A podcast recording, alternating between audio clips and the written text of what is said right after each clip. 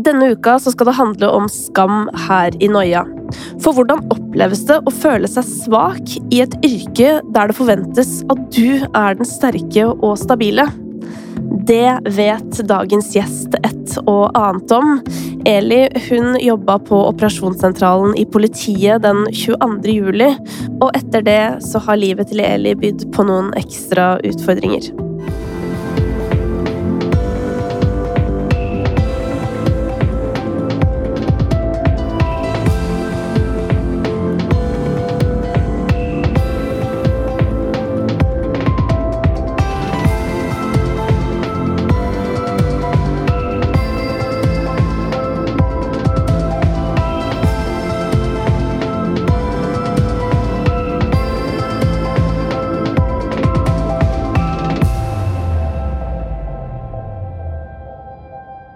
Er politi og har jobba i Oslo-politiet de siste 13 årene. Hjertelig velkommen hit til Noia, Eli. Takk.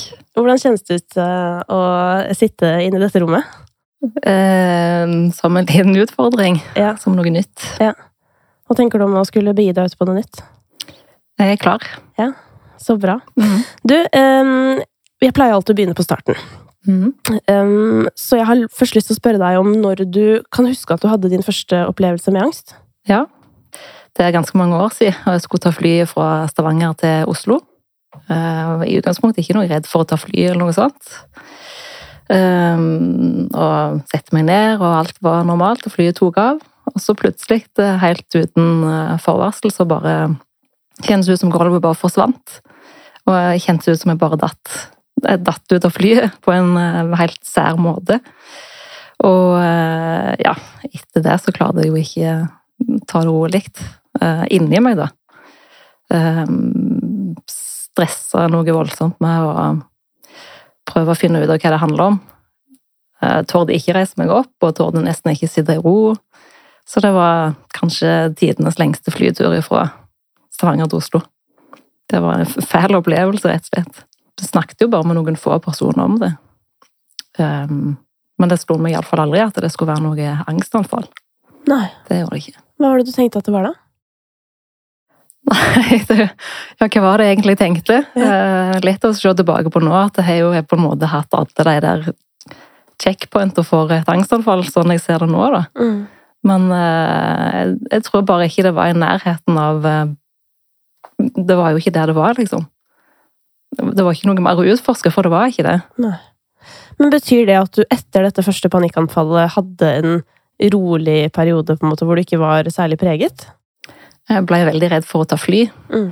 Så det var vel egentlig mest flytur eh, det gikk utover. Jeg trodde kanskje det var en sånn Shit, nå har jeg blitt redd for å ta fly. Altså, cirka når var denne flyepisoden? Mm, Ti, ti år siden, kanskje. Mm. Så det har vært en sånn før alt mulig annet har Mm. skjedd. Men eh, så er det jo sånn at du lenge jobba på eh, operasjonssentralen i politiet. Det er jo en ganske sånn eh, stressende jobb. Kan ikke du fortelle hva det er du gjør når du sitter der? Ja, da er det Altså, det aller viktigste er å svare 112-anrop. Eh, og så svarer en jo samtidig alle mulige andre henvendelser inn til politiet. Og så snakker en på samband sammen med patruljene som er ute og kjører. Um, og ja Tar søk på biler personer, bistår patrulje og kollegaer, innringere, helsevesen. Altså, du snakker med alt mulig av samfunnet. Hvilket ansvar vil du si at man sitter med i den rollen?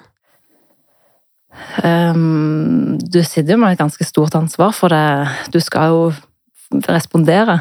Uh, Du skal først uh, få inn uh, melding om et eller annet som skjer, og så skal du vurdere er dette her noe politiet skal bruke tid på.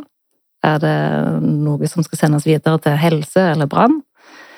Og hvis du skal gjøre noe, så må du jo vurdere hvor mange enheter skal du sende. Skal det være bevæpning? Skal det ikke være bevæpning? Eh, Og innen patruljen kommer fram, så skal du ha, helst ha funnet ut mest mulig om personen eller situasjonen. Mm. Eller adressen, eller Det er masse greier du skal finne ut av fram til patruljen er på stedet. Du var jo på jobb på en helt spesiell dag. Mm. Fortell. Nei, det var på jobb eh, 22. juli, som eh, holdt på å si hvilken som helst annen dag. Jeg kom på kveldsvakt eh, kvart på tre på ettermiddagen. Eh, og vi var, vi var ikke flere enn der vi pleier å være for en hvilken som helst annen kveldsvakt. Mm. Og så, eh, egentlig helt ut av ingenting, selvfølgelig, så så bare rant telefonene inn. Det var Det blir litt sånn teknisk, da, men eh, når det ringer en nødtelefon, så lyser det en rød linje på en skjerm. Og den skjermen ble bare dekka med rød, rød telefon og bare i en sånn snap. Mm. Og da var det jo egentlig bare å begynne å svare på telefonen og prøve å finne ut hva i all verden er dette her. Jeg har aldri sett noe lignende noen gang. Det tok jo litt tid før vi fant ut hva det handla om, for det var jo det var så mange som ringte. Den første dama jeg snakket med, hun sto i krysset Karl Johans gate Skippergate. Og det er jo et lite stykke opp til regjeringskvartalet. Mm. Og jeg, jeg forsto ikke hva hun sa, for det var bare det var masse bråk, og det var masse støy, og hun var sikkert i delvis sjokk. Og sånn måtte du bare fortsette da, å ta telefoner fram til du fikk en sånn viss forståelse for hva, hva det handler om. da. Den eh, kvelden der, den utvikla seg jo sånn som vi alle veit. Mm. Um, hvordan var det å gå hjem fra jobb den dagen? Ja, jeg gikk hjem fra jobb først morgenen etterpå. Jeg Mm. var to uh, dobbeltvakter. Um, så jeg fikk jo med meg absolutt hele utviklinga. Men morgenen etter, da, etter dobbeltskift, så kommer du deg hjem. Ja. Um, kjenner du noe i kroppen da? Um, egentlig at jeg bare er skikkelig sliten. Mm. Uh, og, men samtidig gruer jeg meg litt til å sove. Uh, men jeg, jeg klarte jo faktisk å sovne, så jeg sov et par timer. Men uh, mest at jeg bare er helt utslitt. Mm. Etter denne dagen så fortsetter du jo i samme jobb. Mm. Går på jobb, tar telefonen, Mm. og det går greit en periode. Ja, det er greit eh, til sånn november, tenker jeg. Mm. Og da eh, Da kjente jeg at det var, det var noe som begynte å ikke bli helt greit. Og At det begynte å bli vanskelig å svare telefonen, rett og slett. Og spesielt hvis det kom eh, flere telefoner fra samme område. Tre-fire telefoner, så, så havna jeg liksom tilbake i det. Fader, nå er det nå er det 22. juli igjen, nå må vi bare være klar, liksom. Um, og sånn var det jo en liten periode der, og så kryssa jeg av for at jeg eh, Jeg, jeg, var, jeg hadde noen sykedager. Uh, og da kryssa jeg av for at jeg ville snakke med bedriftshelsetjenesten, for jeg trodde at det hadde noe med jobb å gjøre, da. Mm. Eller jeg sa kanskje det har noe med jobben å gjøre. Jeg torde liksom ikke helt bare konkludere med at det hadde jo noe med jobben å gjøre. Mm. Så fikk jeg nå snakket med en psykolog da, noen fem-seks ganger, og det var greit. Og så gikk det fram til 2016, egentlig. Der det gikk eh, greit, men det ble vanskeligere og vanskeligere å være på jobb. Jeg klarte ikke Det var fortsatt de greiene med det. Flere telefoner fra samme plass, så ble det krisemaksimering inni hodet mitt. Eh, Og litt sånn situasjoner som var helt eh, ok å takle før, sånn knivstikking eller slåssing, altså sånne, holdt på å si, vanlige hendelser Mm. som du er vant med å håndtere helt fint. Eh, Det, ble, det var vanskelig. Jeg ville ikke være på jobb. Jeg ville ikke gå på jobb. Og hvis jeg var på jobb, så hadde jeg jo ikke lyst til at det skulle skje noen ting. Jeg ville bare at det skulle være helt At ingen skulle ringe. Ingen skulle ringe. Mm. Og når folk ringte inn og trang hjelp, så kjente jeg at jeg ble så irritert. Jeg ble sur, og jeg var litt sånn åh, Fader, ikke ring med det her eh, greiene her. Det. Og, og det var jo bare en person jeg overhodet ikke ville være. Jeg kjente ikke igjen mine egne Du er jo Du er jo du er jo der for å serve befolkningen, du er jo ikke der for å være sur fordi noen ringer inn. Det er jo det du sitter der og skal gjøre, da. Mm. Hvorfor tror du du ble irritert? Um, jeg vet ikke. Jeg er faktisk ikke helt sikker. Jeg, jeg tror bare det ble for mye for meg. Mm. Det er veldig typisk sliten, da. Altså når man er sliten, man bare blir irritert på alt og alle, på en måte. Mm. Men uh, hva førte det her til, da? Um, det, ja, altså det førte jo til at jeg uh, egentlig bare så fram til å få fri. Jeg så fram til å ha langfri, jeg så fram til helg. Jeg var på jobb, men jeg, bare på en måte halvt ut. Eh, og så skulle jeg i permisjon med han eh, sønnen vår. Eh, og jeg halvt liksom ut åh, yes, endelig skal jeg i permisjon. Og så var jeg i permisjon, og så tenkte jeg nå at nå er jeg bare vekk i tre måneder. Nå er det, nå er det sikkert ordna seg. Mm. Og så kom jeg tilbake på jobb, og så var det fader meg verre enn noen gang. Og da gikk det kort tid, så ble jeg sykemeldt. Mm. Da klarte jeg ikke være der, men da forsto jeg sjøl at ok, dette her går ikke. Mm. Vi skal bringe psykologen vår inn i samtalen. Karina Paulsen, velkommen. Takk. Hvordan er det å høre Eli fortelle historien sin? Jeg tenker jo at det er en brutal historie, eh, og at det er en eh, Vi må skille mellom normale reaksjoner på unormale situasjoner og omvendt, da. Sånn at reaksjonen din sier noe om det abnormale i situasjonen. Mm. Og så er det så mange andre elementer også som jeg blir nysgjerrig på, eh, som vi vet at er ganske førende for hvordan vi mennesker erfarer sånne lignende, så ekstreme situasjoner.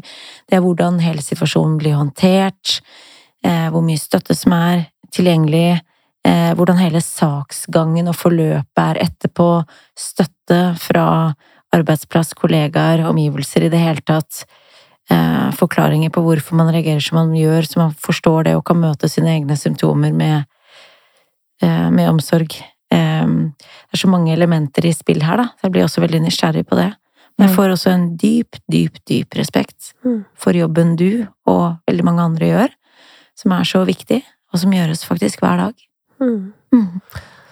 For det som eh, skjedde, og som kanskje noen vet, er jo at dere som satt og tok imot de telefonene, Mm. dere fikk jo på en måte ikke gå helt fri etter den eh, tragiske Eller de tragiske hendelsene. Nei. Hva skjedde, Eli? Nei, I starten så var, var jo egentlig politi og helse og alle nødetatene var jo helter, da, for å si det på den måten. Eh, og så gikk det jo ikke veldig lang tid før eh, folk begynner å stille spørsmålstegn med jobben vi har gjort. Og eh, spesielt operasjonssentralen fikk jo noe, da. Både i Oslo og i Nordre Buskerud. Vi, vi dugde ikke, liksom. Vi burde bare ha klart å stoppe dem. Eller han. Mm. Og det er jo en sånn ganske frustrerende dom å få, egentlig, for det er lett å se Ja, det er lett å se hva vi burde ha gjort, men når du sitter der og det er massive mengder med informasjon som kommer inn konstant, så er det ikke så veldig lett å ta ut den ene vesentlige detaljen, da, som liksom skal redde hele Og uansett eh, hva vi hadde gjort, så kan vi jo ikke garantere at det hadde sett en stopper for det før det utvikla seg, da. Mm. Eh, Karina, jeg tenker jo at uh, bare å være i situasjonen i seg, altså å ha det ansvaret, enten det er 22. juli eller det er mindre ting, tenker jeg. Altså jeg tenker på sykepleiere som tar imot folk på legevakta òg, på en måte, eller tar telefon der òg. Man har jo et enormt ansvar. Uh, det er jo den ene tingen, og så i tillegg så kommer da all på en måte kjefta, da, Mm. i ettertid. Hva kan det gjøre med folk? Det er en belastning som kan være så brutal at eh, man kan utvikle sånne symptomer som, som, som du jo beskriver. Vi snakker jo om eh, posttraumatisk stress, altså i etterkant av en traumatisk hendelse. Og en traumatisk hendelse er det vi kategoriserer som, som hendelser hvor det er eh, fare for liv for eget vedkommende eller for uh, omgivelser, og det var det jo aller, aller, aller høyeste grad her. Det kan sette i gang voldsomme reaksjoner. Der reagerer man forskjellig, men som irritasjon, som konsentrasjonsvansker, som eh, vanskelig å henge med i hverdagen. Eh, man kan komme til å begynne å unngå steder, eh, situasjoner eller hva enn som kan trigge og utløse minner. Man kan også komme til å reagere veldig voldsomt på selv de minste eller hverdagslige hendelser, ting, situasjoner. Eh, Det kan være hva som helst. Eli, du nevnte jo irritasjonene på jobben når telefonen ringte, men, men utarta det seg på noen andre måter også? Ja, jeg har jo vært innom alt det, alt det du nevner. Uh, unngåelse, Uh, masse sånn fysiske reaksjoner når jeg snakker om det. Så begynner jeg å bli kald, skjelve og klarer liksom ikke holde meg samla. Utrolig ubehagelig opplevelse av å miste en kroppslig kontroll, da. Mm. Eh, veldig trøtt og ja, egentlig alt du har sagt, og jeg vil helst ikke snakke om 22. juli, ikke forholde meg til det. Ikke lese aviser, det gikk en lang periode der jeg overhodet ikke åpna avisene. Hvordan er det for deg nå, når det kommer Nå er det jo mye snakk om det igjen i forbindelse med filmer og serier og den type ting. Mm. Ja, nei, det mm, Altså, det er jo ikke til å unngå. Det er jo eh, på en måte bra at det er fokus på Du skal liksom ikke glemme historien da som har skjedd. Men ja, det er noe med meg. Jeg sykla nedover her, så sykler jeg forbi fire plakater med 22. juli-filmen. Mm. Men jeg har heldigvis kommet litt lenger, da jeg kan registrere det, så tenker jeg ok, fortsett. Og så lar jeg det være med det, i stedet for å begynne å gruble for mye på det. Det er interessant også det du forteller, at du legger merke til at du syklet forbi fire, fire plakater. Mm. For det sier noe om den selektive oppmerksomheten, som fanger alle signalene som kan minne om noe som opptar deg, ikke sant? Mm. og som du jobber så hardt for å prøve å unngå. Mm. Eh, og som har aktivert deg og satt deg så voldsom, i så voldsom beredskap eh, at den beredskapen i deg er veldig, veldig lett antennelig. Derav de symptomene som trigges av selv kanskje hverdagslige hendelser, møte med mennesker, situasjoner, lukter, mm. steder, ord, ja. bilder. Ja, det har vært en kamp for å prøve å unngå alt. Ikke sant? Hvordan var det i begynnelsen, altså etter 22. juli, var det sånn at du eh, var åpen på jobben om det? Nei. Nei. Overhodet ikke. Eh, for det jeg har bare sittet inne. Jeg har ikke vært ute i eh, regjeringskvartalet, jeg har ikke vært ute på Utøya. Jeg har sittet inne på operasjonssentralen og snakket med folk i telefon. Eh, og hvis jeg hadde vært ute, holdt på å si, der det hadde skjedd, da, så tror jeg det hadde vært mer eh, akseptabelt for meg å få det vondt.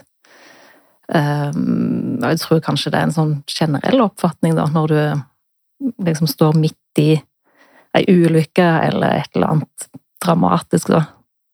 Ja, klart du skal få reaksjoner da. Mm.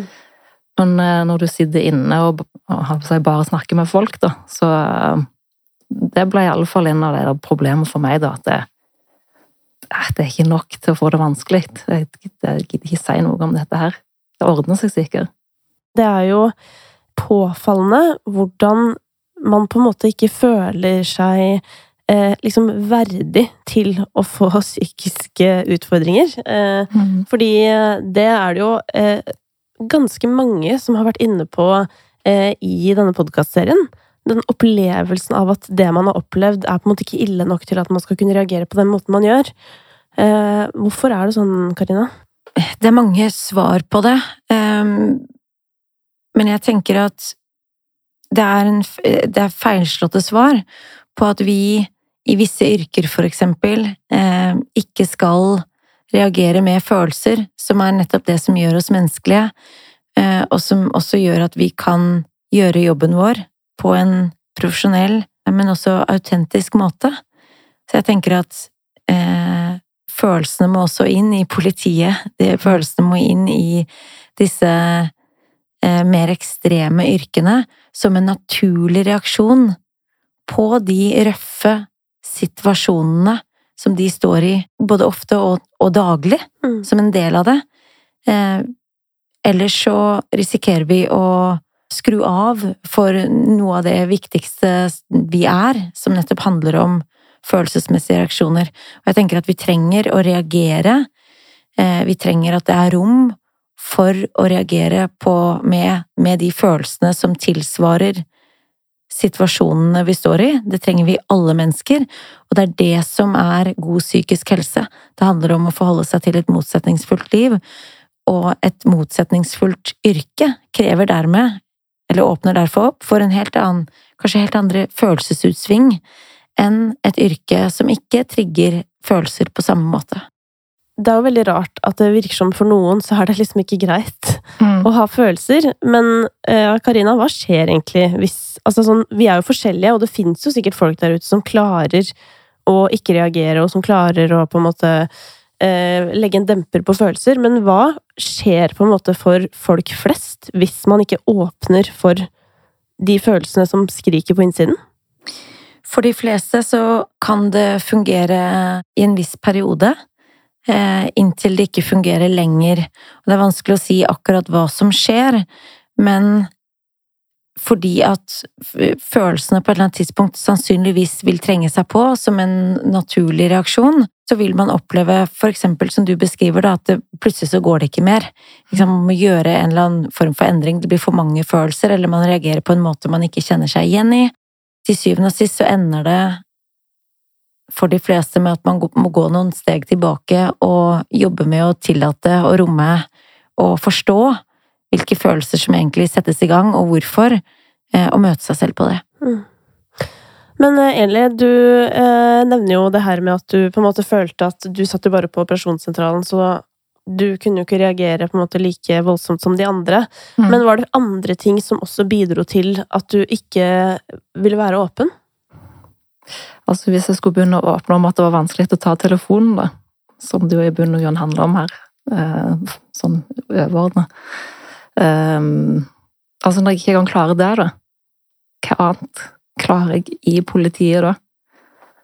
Så det var jo en sånn eh, Det er jo ingen som kan tro, tro at jeg kan noen ting lenger, da, for det når jeg ikke klarer å snakke i telefonen, så hva, hva annet skal jeg klare? Mm. Så jeg følte meg bare helt um, på feil plass, egentlig. Følte ikke at jeg hadde noe der å gjøre. Jeg følte ikke at eh, Hvorfor skulle jeg egentlig være der? Jeg hadde ikke noe å bidra med. Var du redd for at på en måte det at du kjente på utfordringer da, inni deg, eh, skulle gjøre deg uegna? Mm. Jeg var redd for å bli en som du ikke kunne regne med hvis det skjedde på ny. Eh, For jeg fikk jo en voldsom sånn kroppslig reaksjon når det skjedde sånne ting. Og for meg var det jo megatydelig at jeg ikke hang med. Men jeg tror ikke noen andre i rommet merka det. Men eh, jeg følte virkelig ikke at eh, her, her kan du stole på meg, liksom. Den ultimate skammen Mm. i politiet, Mm. i det yrket. Mm. Og hvordan kan du stole på meg igjen? Når jeg har vist at jeg er så svak i dette her øyeblikket, da. Mm. Men var du svak i øyeblikket, eller var det noe du kjente på? Jeg følte ikke at jeg hang med. Og jeg klarte ikke å konsentrere meg om å høre skikkelig på hva, hva er det egentlig melderen forteller meg her nå. Mm. Hva er det som er viktig for meg å gi beskjed om det til de andre som jobber her. Mm. Så eh, jeg følte rett og slett ikke at jeg Jeg klarte ikke å gjøre jobben. Det ble vanskelig. Mm. Var det aldri i tankene dine å bare si det som det er? Nei, jeg har tenkt på det. Det var ikke det. Det ble for vanskelig, det òg. Og jeg ville jo egentlig eh, håndtere det sjøl, og så komme tilbake, og så på en måte late som om at ingenting hadde skjedd. Tenker du at liksom det ikke går an å være politi når man er engstelig? Ehm, jo, det gjør jeg jo. Ehm, men sånn som jeg hadde det på det verste, så var det ikke helt eh, forenlig. Men, eh, men nå vet jeg jo hva det handler om. Mm. Jeg tror eh, Altså, jeg håper jo at eh, jeg får enda bedre kontroll på det etter hvert. og At jeg veldig Kunne veldig godt tenkt meg å komme tilbake til operasjonssentralen og følt at jeg behersker det på et eller annet tidspunkt. Mm. For det, jeg har jo slutta for det at jeg Jeg slutta ikke for det jeg ville, jeg slutta for det jeg måtte. Fordi jeg ikke klarte det. Fordi du har byttet jobb nå, Mm. så du jobber et annet sted i politiet. Ja. Jeg blir nysgjerrig på hva det vil si å beherske, og hva Mm. som er holdningen til hva det vil si å beherske også i politiet, i, i lignende type yrker. Mm. Og hva kan du forestille deg hvordan du hadde møtt en kollega hvis det var en kollega som hadde åpnet seg til deg om tilsvarende reaksjoner, følelser? Ja, altså nå hadde jeg jo vært full av forståelse eh, og sagt at det var veldig bra at vedkommende faktisk delte det, for det jeg ser jo nå at det er viktig, og jeg har jo ikke på en måte vært i tvil om at på et eller annet tidspunkt så er det viktig å åpne seg, men eh, jeg har vært veldig redd for hva andre ville si, da. Og at du på en måte blir avskilta som politi hvis du sliter med et eller annet. Så tenker jeg det er viktig også å skille mellom, mellom eh, eh person og tilstand. Mm. At alle mennesker kan være i tilstander hvor vi ikke fungerer optimalt, eller som vi pleier å gjøre. Men og, og det også for politi, eller for ambulansepersonell, eller andre typer yrker som er utsatt for sånne ekstreme eh, hendelser og situasjoner. Og uten at det betyr at man ikke er i stand til å utføre en jobb. Det kan hende at man er det i en periode, mens man er i en tilstand. Men vi må skille igjen da mellom det å være i en tilstand og, og person. Mm. Eli, du har eh, veldig nylig publisert et eh, åpent brev om din opplevelse med angst i forbindelse med eh, denne perioden vi hadde i oktober med verdensdagen. Mm. Hvordan eh, gikk det til? Altså, når tenkte du at nå er det tid for å åpne seg? Det har jo vært en eh, del av prosessen lenge, egentlig. Eh, Og etter hvert nå så har jeg kjent på sånn åh, Nå orker jeg ikke holde på dette her lenger. Nå Det må bare ut på et eller annet vis. Um, og så var det samboeren min som sa at det var verdensdagen for psykisk helse. Kanskje jeg skulle skrevet et eller annet innlegg, eller et eller annet sånt. Og så tenkte jeg nei, det høres litt voldsomt ut. Men så og, Men så tenkte jeg ja, kanskje jeg bare skal skrive et for meg sjøl, da. Bare at jeg- Hvis jeg skulle ha skrevet noe, hva skulle det ha vært? Og så skrev jeg det. Og så ble jeg egentlig veldig klar for å skrive et sånn type innlegg, og fikk med meg eh, kommunikasjonsenheten, som det heter da. Så skrev jeg et eh, forholdsvis langt innlegg om eh, mine tanker rundt åpenhet om psykisk helse blant politifolk i politiet. Mm. Eller ikke bare politifolk, men alle ansatte i politiet. Mm. Og at jeg savner virkelig en sånn kultur for å kunne være åpen, og akseptere at vi kan ha det vanskelig, da. Så hva hvis vi også drister oss til å snu det motsatt vei, og snakke om det som, eh, som erfaringer som er viktige, men dyrekjøpte?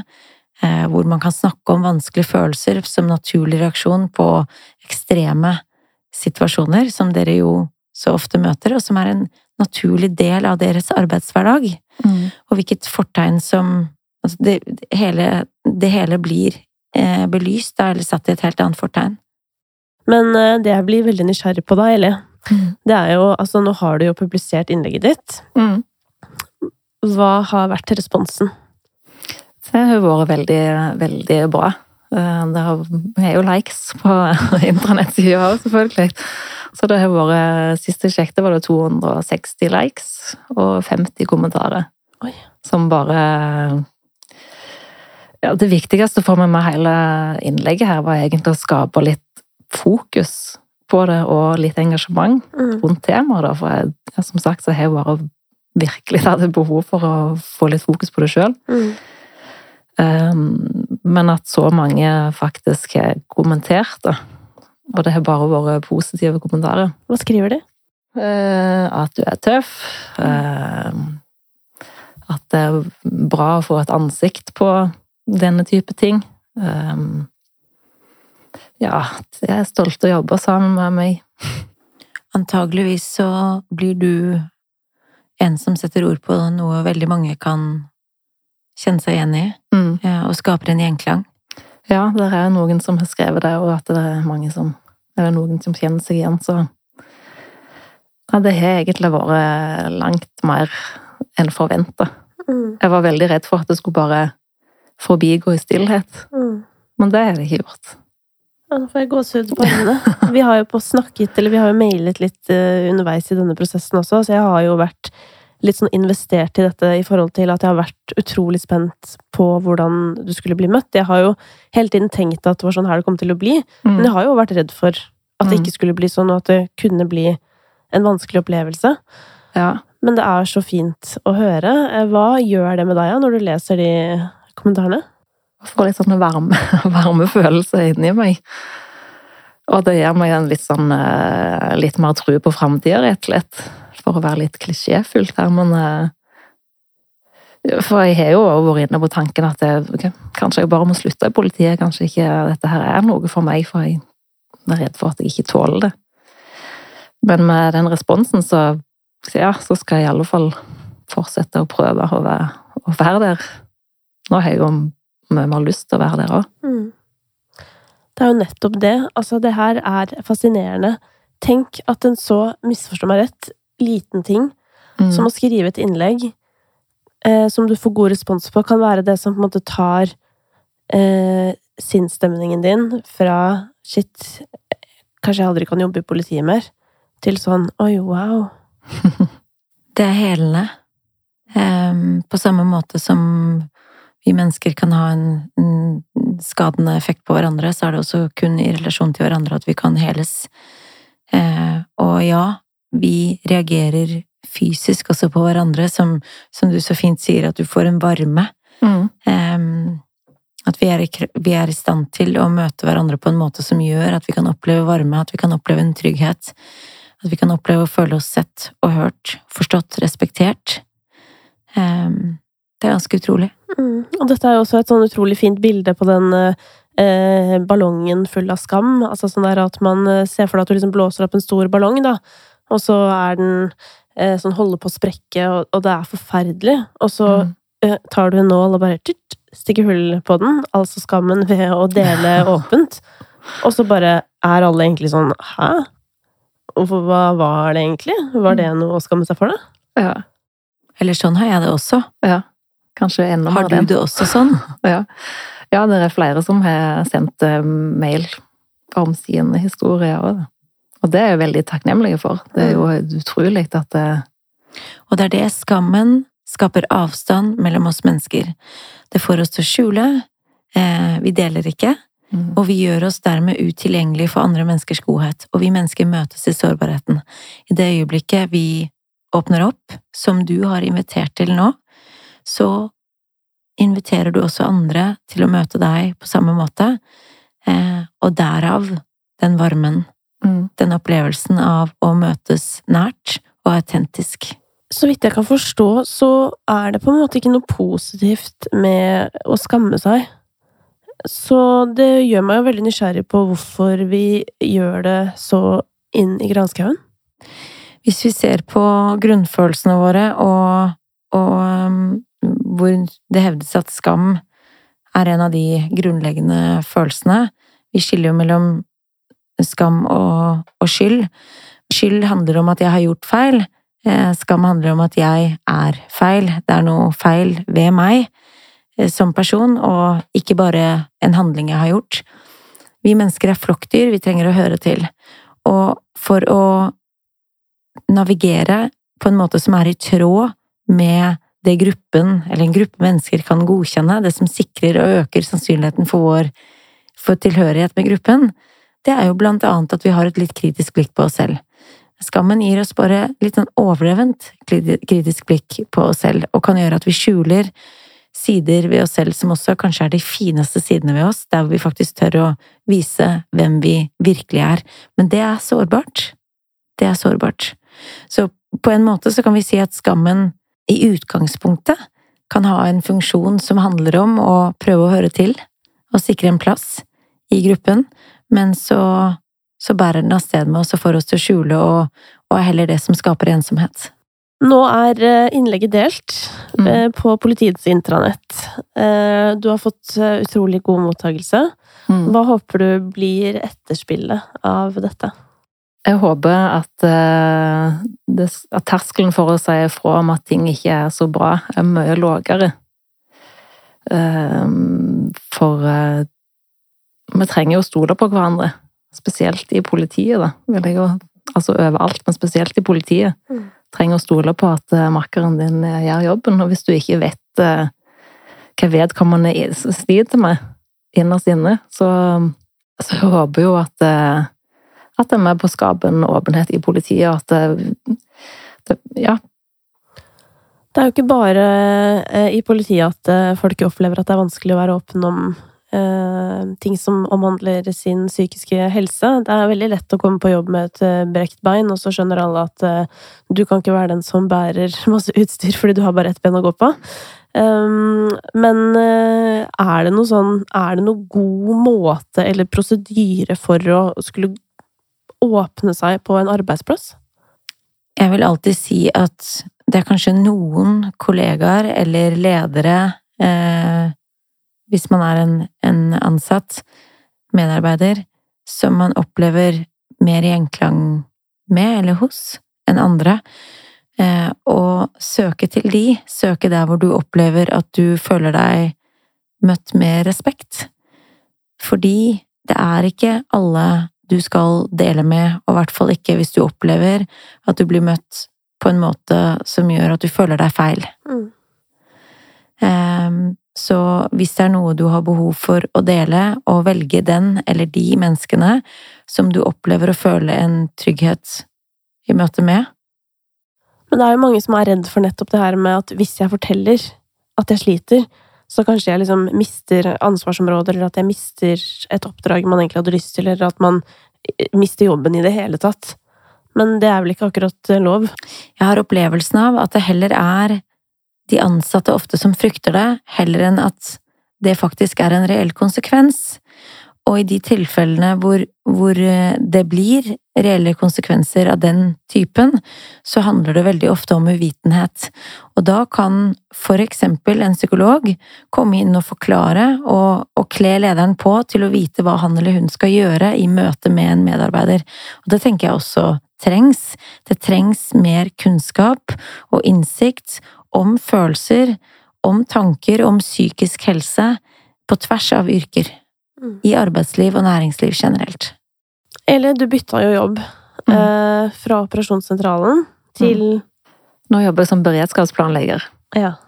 Så du er jo på en måte fortsatt på sett og vis i samme bransje. Absolutt. Hvordan ser du for deg din fremtid i politiet? Holdt på å si, hvis det kreves en eller annen frontfigur eller et eller annet sånt i forhold til det her arbeidet med psykisk helse blant politifolk, så jeg iallfall kjenner jeg at jeg er klar for det. Um, men som uh, i politiet så er jeg fornøyd med å være der jeg er akkurat nå. Mm. Um, så er det jo mange muligheter for å se om jeg kommer tilbake til operasjonssentralen en gang. Mm. Det hadde jo vært det beste å fått en sånn god avslutning på den, da. At jeg kunne slutte for det jeg ville, ikke for det jeg måtte. Mm. Du snakker jo om dette med å være ansikt utad, eh, og det er det jo sånn at hvis man er den første, så blir man jo liksom det ofte. Kanskje i en kort periode, da. Mm. Eh, og det er det så utrolig imponerende at du har tatt steget til å bli. Ja, det hadde jeg ikke trodd for to år siden.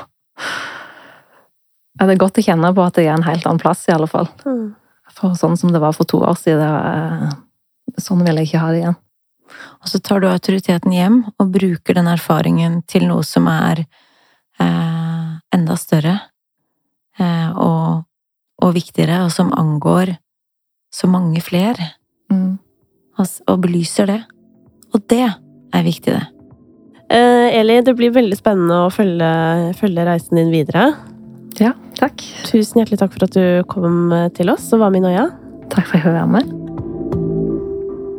Takk til Ekstrastiftelsen og Rådet for psykisk helse for at vi får lov til å lage Noia, og tusen takk til Eli som stilte opp som gjest i denne episoden, som føles utrolig viktig, nettopp fordi det er akkurat som det er liksom noen få steder det fortsatt er litt ekstra skamfullt å skulle åpne seg om at man har det vanskelig psykisk, men jeg er altså så utrolig glad for at Eli var her og fortalte sin historie, og ikke minst er jeg glad for responsen hun har fått da hun valgte å være åpen på arbeidsplassen sin.